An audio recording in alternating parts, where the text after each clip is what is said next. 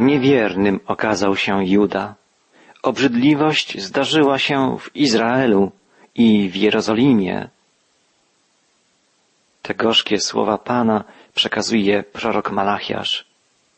Już po raz trzeci zastanawiamy się nad przejmującym fragmentem prorockiego poselstwa, zapisanym w drugim rozdziale Księgi Malachiasza.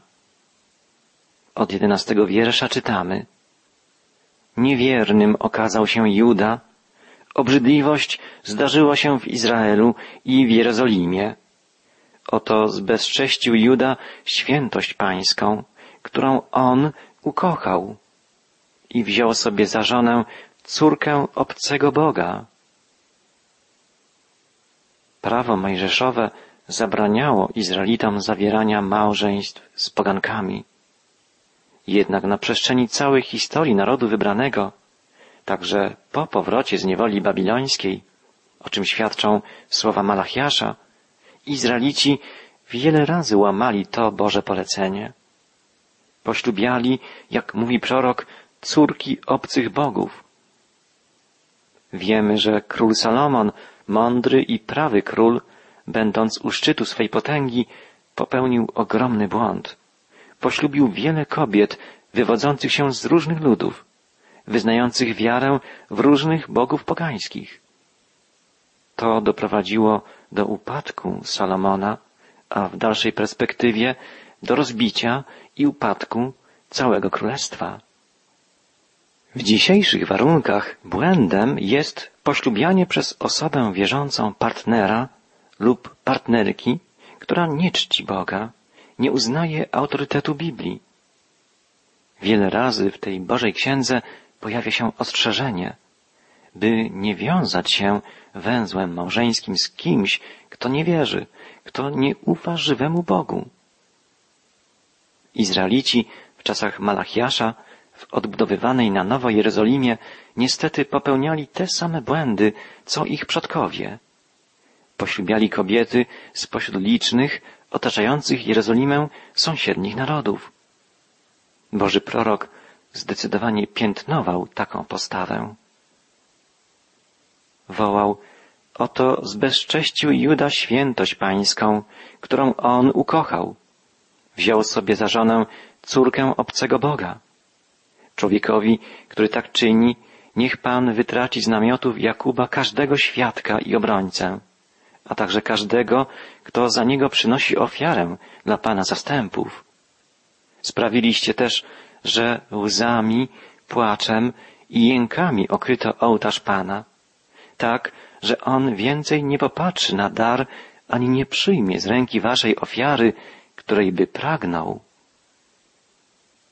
Malachiarz zapewnia, że Pan nie przyjmie żadnej ofiary złożonej przez kogoś, kto żyje w sposób niemoralny, kto niby to wypełnia określone przepisy obrzędowe, uczęszcza do świątyni, angażuje się w religijne rytuały, ale żyje w nieczystości moralnej.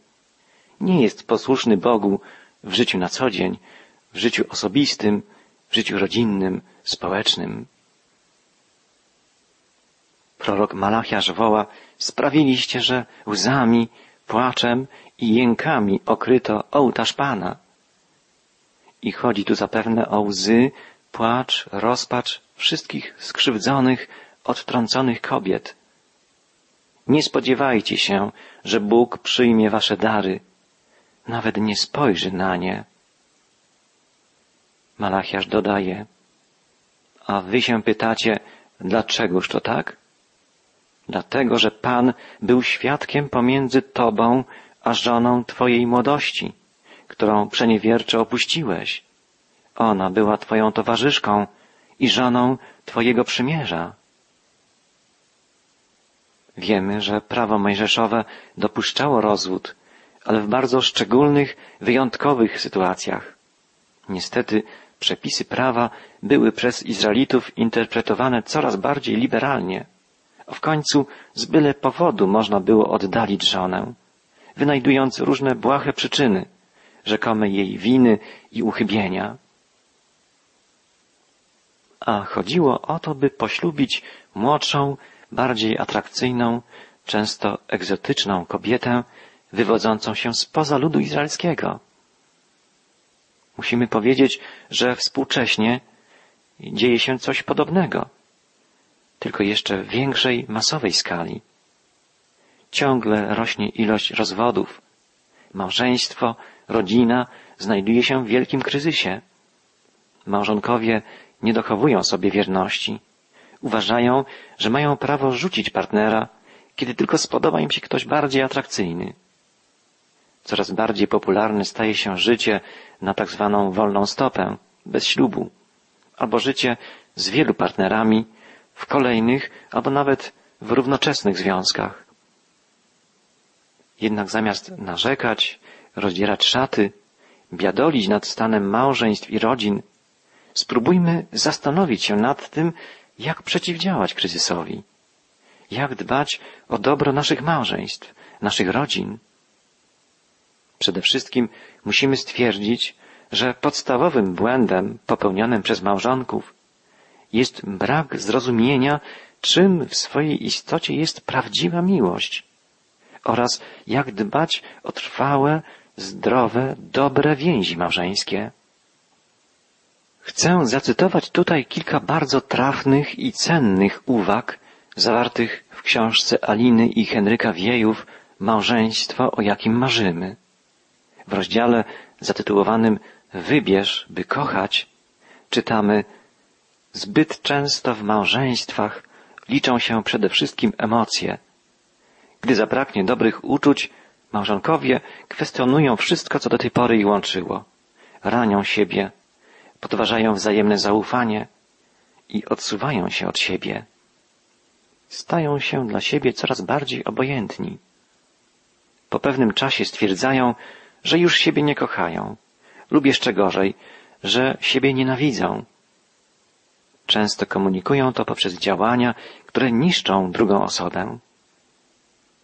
Brak porozumienia z najbliższą osobą, kłótnie, brak ciepła miłości to jedne z największych cierpień, jakie możemy sobie wzajemnie zadawać jako ludzie. Jeżeli zależy nam na współmałżonku i wybieramy postawę troski o niego, to nie wolno nam go ranić. Napisano wiele wspaniałych poradników na temat małżeństwa, wychodzenia z kryzysu. Natomiast ratunek czy warunek trwałego małżeństwa jest bardzo prosty. Rób wszystko, co może uszczęśliwić Twojego małżonka.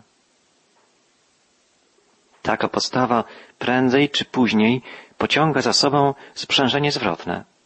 Współmałżonek będzie czuł się szczęśliwy i zrodzi się w nim potrzeba odwzajemniania okazanej mu miłości, cierpliwości i przebaczenia.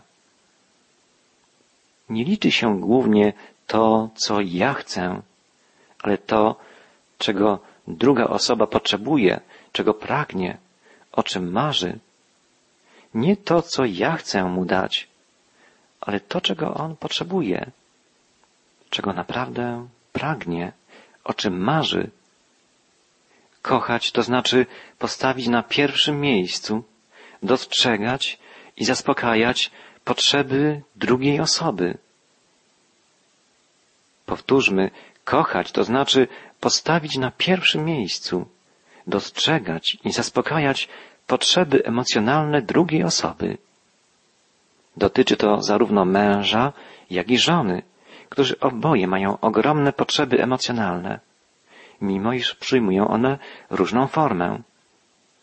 Są praktycznie zaspokajane poprzez pewne elementy, które można porównać do wpłat na nasze wewnętrzne konto w banku emocji. Jeżeli bank emocjonalny żony jest stale uzupełniany, to z pewnością nie będzie ona miała problemu z uznaniem autorytetu swojego męża, z odwzajemnianiem uczuć, z uległością względem Jego miłości i obdarzaniem Go wszelkim dobrem. Odpowiednio wyrażana miłość stymuluje ją do praktycznego działania na rzecz dobra męża. Nie będzie też szukała innego mężczyzny czy innego źródła, które miałoby te zasoby uzupełniać. Podstawową potrzebą żony w małżeństwie jest otaczanie jej ciepłem uczuć, przede wszystkim w formie troszczenia się o nią. Ta troska obejmuje wyrażanie żonie czułości, ochronę przed naciskami z zewnątrz, wsparcie poprzez przytulenie, ciepłe spojrzenie w oczy, słowa zachęty. Potrzeba rozmowy to kolejny element, poprzez który emocjonalny bank żony zostaje uzupełniany. Następna dziedzina, w której mąż może zyskać bardzo wiele emocjonalnych punktów u żony, to troska o ich wspólny dom. Dla kobiety dom, miejsce, w którym oboje mieszkają, jest bardzo ważny. Dla wielu mężczyzn ogromnym zaskoczeniem jest wiadomość, że brak dbałości o dom żona może odbierać jako oznakę braku miłości do niej. Stale zbyt mało mężczyzn uświadamia sobie, że mogą zaspokoić emocjonalne potrzeby żony poprzez to, że coś dla niej zrobią, że ją przytulą, powiedzą coś miłego, kupią drobny upominek czy kwiaty bez specjalnej okazji, a także, że zrobią coś dla domu. To może być zakup czegoś, o czym ona marzy, ale równie dobrze naprawa cieknącego kranu albo urządzenia, które sprawia jej ustawiczne problemy na co dzień. Czasami tak niewiele potrzeba, żeby uczynić dla żony coś wielkiego. Kolejnym działem, który pomaga w zaspokajaniu potrzeb żony, jest uczciwość męża względem niej, czyli budowanie zaufania. Nic tak nie niszczy miłości, jak brak zaufania do męża i brak pewności, że nie jest się okłamywaną lub zdradzaną. Na takie zaufanie mąż musi pracować i nie może pozwolić, żeby drobne incydenty, takie jak spóźnianie się z pracy czy budzące podejrzliwość delegacje, podkopywały fundament zaufania w małżeństwie. Bardzo często mężczyźni nie przywiązują wagi do takich drobiazgów jak punktualność, wiadomość telefoniczna o zmianie planów, podanie miejsca, gdzie lub z kim aktualnie przebywają. Brak tych zapewnień i informacji w kobiecej wyobraźni może tworzyć scenariusz zdrady. Dla myślącego racjonalnie mężczyzny podejrzenia żony mogą wydawać się zupełnie bezpodstawne, ale nie wolno mu ich ignorować, jeżeli zależy mu na więzi zaufania. Mąż powinien sobie ten fakt uświadamiać i czynić wszystko, by żona miała jak najmniej powodów do podważania jego wierności i prawdomówności. Kobietom nie przychodzi to łatwo, nie przychodzi to automatycznie. Potrzebna jest praca męża, by zbudować kapitał zaufania. Miłość do siebie żona odczytuje również poprzez finansowe zabezpieczenie ze strony męża. Mimo, że zadanie to jest czasami bardzo trudne do wykonania, wiąże się ono z pewnym psychologicznym aspektem poczucia bezpieczeństwa. Oczywiście nie chodzi o sam fakt bezpieczeństwa w pieniądzach, zabezpieczenia finansowego, ale o postawę męża, który komunikuje, że troszczy się o nią i o dzieci. Mężczyzna, który wiele środków z rodzinnego budżetu przeznacza na alkohol, na papierosy, narkotyki czy inne własne potrzeby, podaje jednoznaczną informację rodzinie, nie jesteście warci moich pieniędzy. Albo alkohol, papierosy czy inne rzeczy znaczą dla mnie więcej niż wy. Z tego powodu małżeństwa, w których żona zostaje głównym żywicielem rodziny lub więcej zarabia od męża, muszą o wiele bardziej i z większą czujnością pracować nad właściwym wzajemnym autorytetem i nad rolami, jakie przyjmują względem siebie. Sytuacje wymuszające taki stan rzeczy, na przykład utrata pracy przez męża lub jego niższe wynagrodzenie, wymagają wielkiej wrażliwości, empatii ze strony żony. Powinna ona sobie wyobrazić, co mąż w tym momencie naprawdę przeżywa i budować jego autorytet w rodzinie w oparciu o inne elementy, które wnosi on jako mężczyzna. Żona odczytuje miłość męża także poprzez to, jakim jest on ojcem dla ich dzieci. Dla wielu mężczyzn może jest to zaskakujące, ale dla kobiety ma to wymiar bardzo praktyczny. Żona odczytuje miłość męża także poprzez to, jakim jest on ojcem dla ich dzieci. Potrzeby emocjonalne mężczyzn są tak samo ogromne jak potrzeby kobiet, wbrew obiegowym opiniom o tym, jak bardzo mężczyźni są silni i niezależni. W rzeczywistości potrzebują miłości w tym samym albo nawet większym stopniu niż kiedy byli małymi chłopcami, ukradkiem tulącymi się do swojej mamy. Forma zaspokojenia potrzeb emocjonalnych dojrzałego mężczyzny obejmuje przede wszystkim aprobatę, podziw i zachęcenie ze strony żony.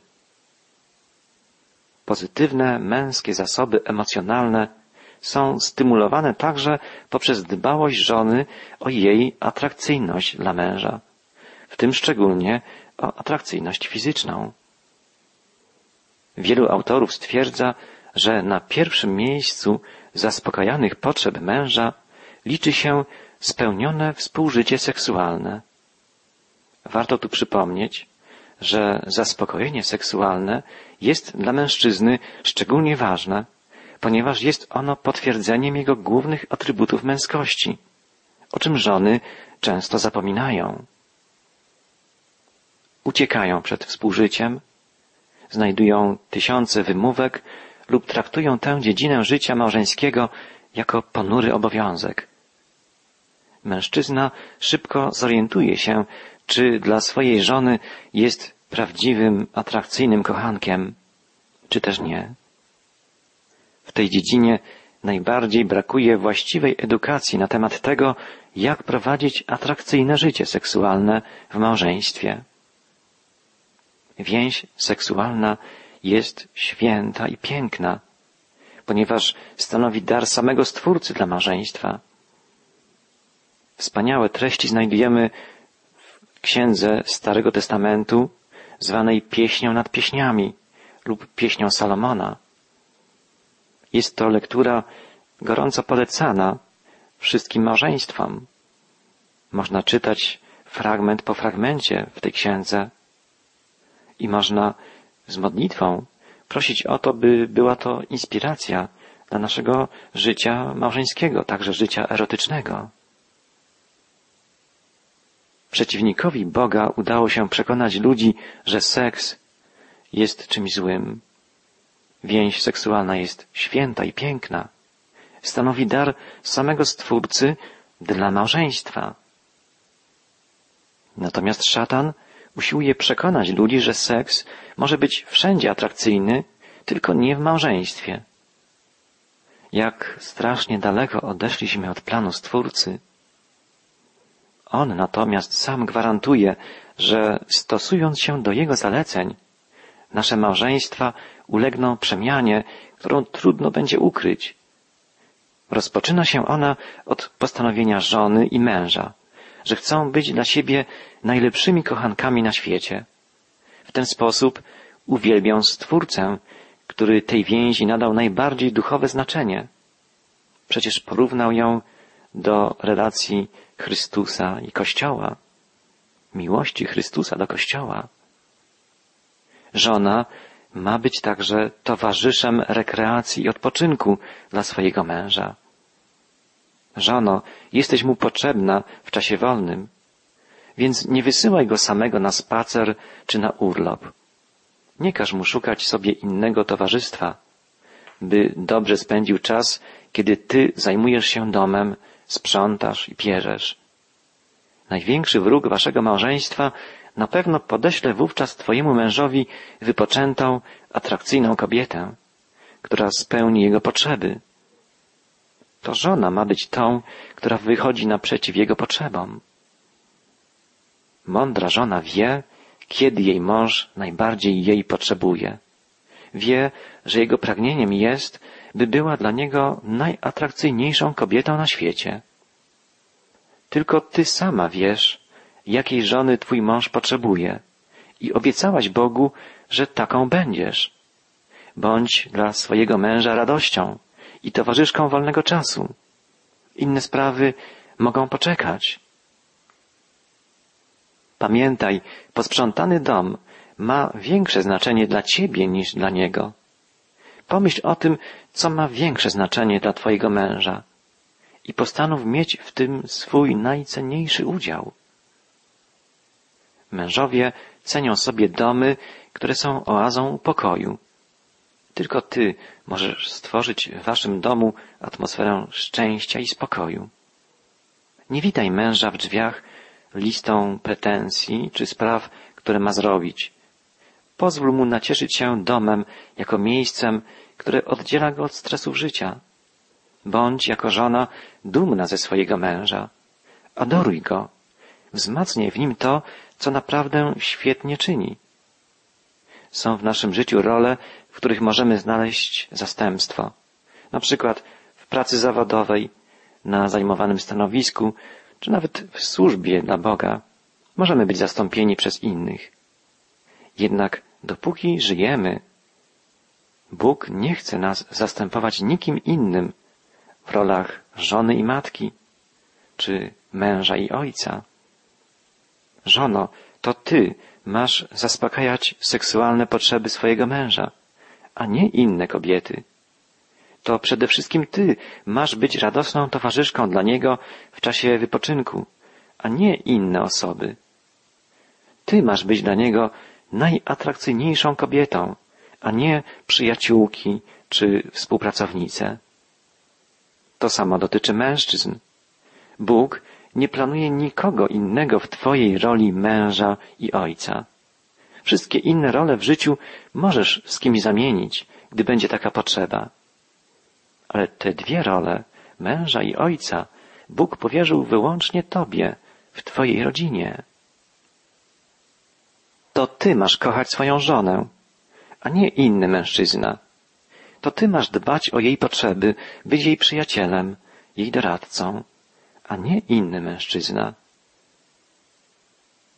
Jeżeli tak nie postąpicie, nie bądźcie zaskoczeni, gdy znajdzie się ktoś inny, kto zechce zrobić to lepiej od was. Jeżeli taka osoba pojawi się jako trzecia w waszym małżeństwie, a mimo to któryś z was nie podejmie roli wyznaczonej mu przez Stwórcę, będzie to bardzo trudna walka do wygrania. Często nie jesteśmy świadomi albo zapominamy, że księga, która jest podstawą budowania wszelkich więzi międzyludzkich, jasno określa rolę w małżeństwie. Księgą tą jest Pismo Święte i nie ma w niej tematów tabu. Według zasad Bożego Słowa miłość w małżeństwie to nie opcja do wyboru, ale postanowienie podjęte ze względu na Boga. Miłość to coś więcej niż emocje, a jej brak to po prostu wybór na korzyść własnego egoizmu. To także postawa w stosunku do Stwórcy. Nie kochając męża lub żony, mówimy Bogu, wybacz, ale nie dotrzymam tego, co Tobie obiecałem. Drogi przyjacielu, postanów dotrzymać danego Bogu przyrzeczenia. Poproś Go o nową miłość do żony. Żono, poproś Go o nową miłość do męża. Gdy będziecie szczerze wołać do Pana, On połączy Was nową mocą, by kochać. Czule, wspaniale. I wówczas wielkie wody nie ugaszą tej nowej miłości.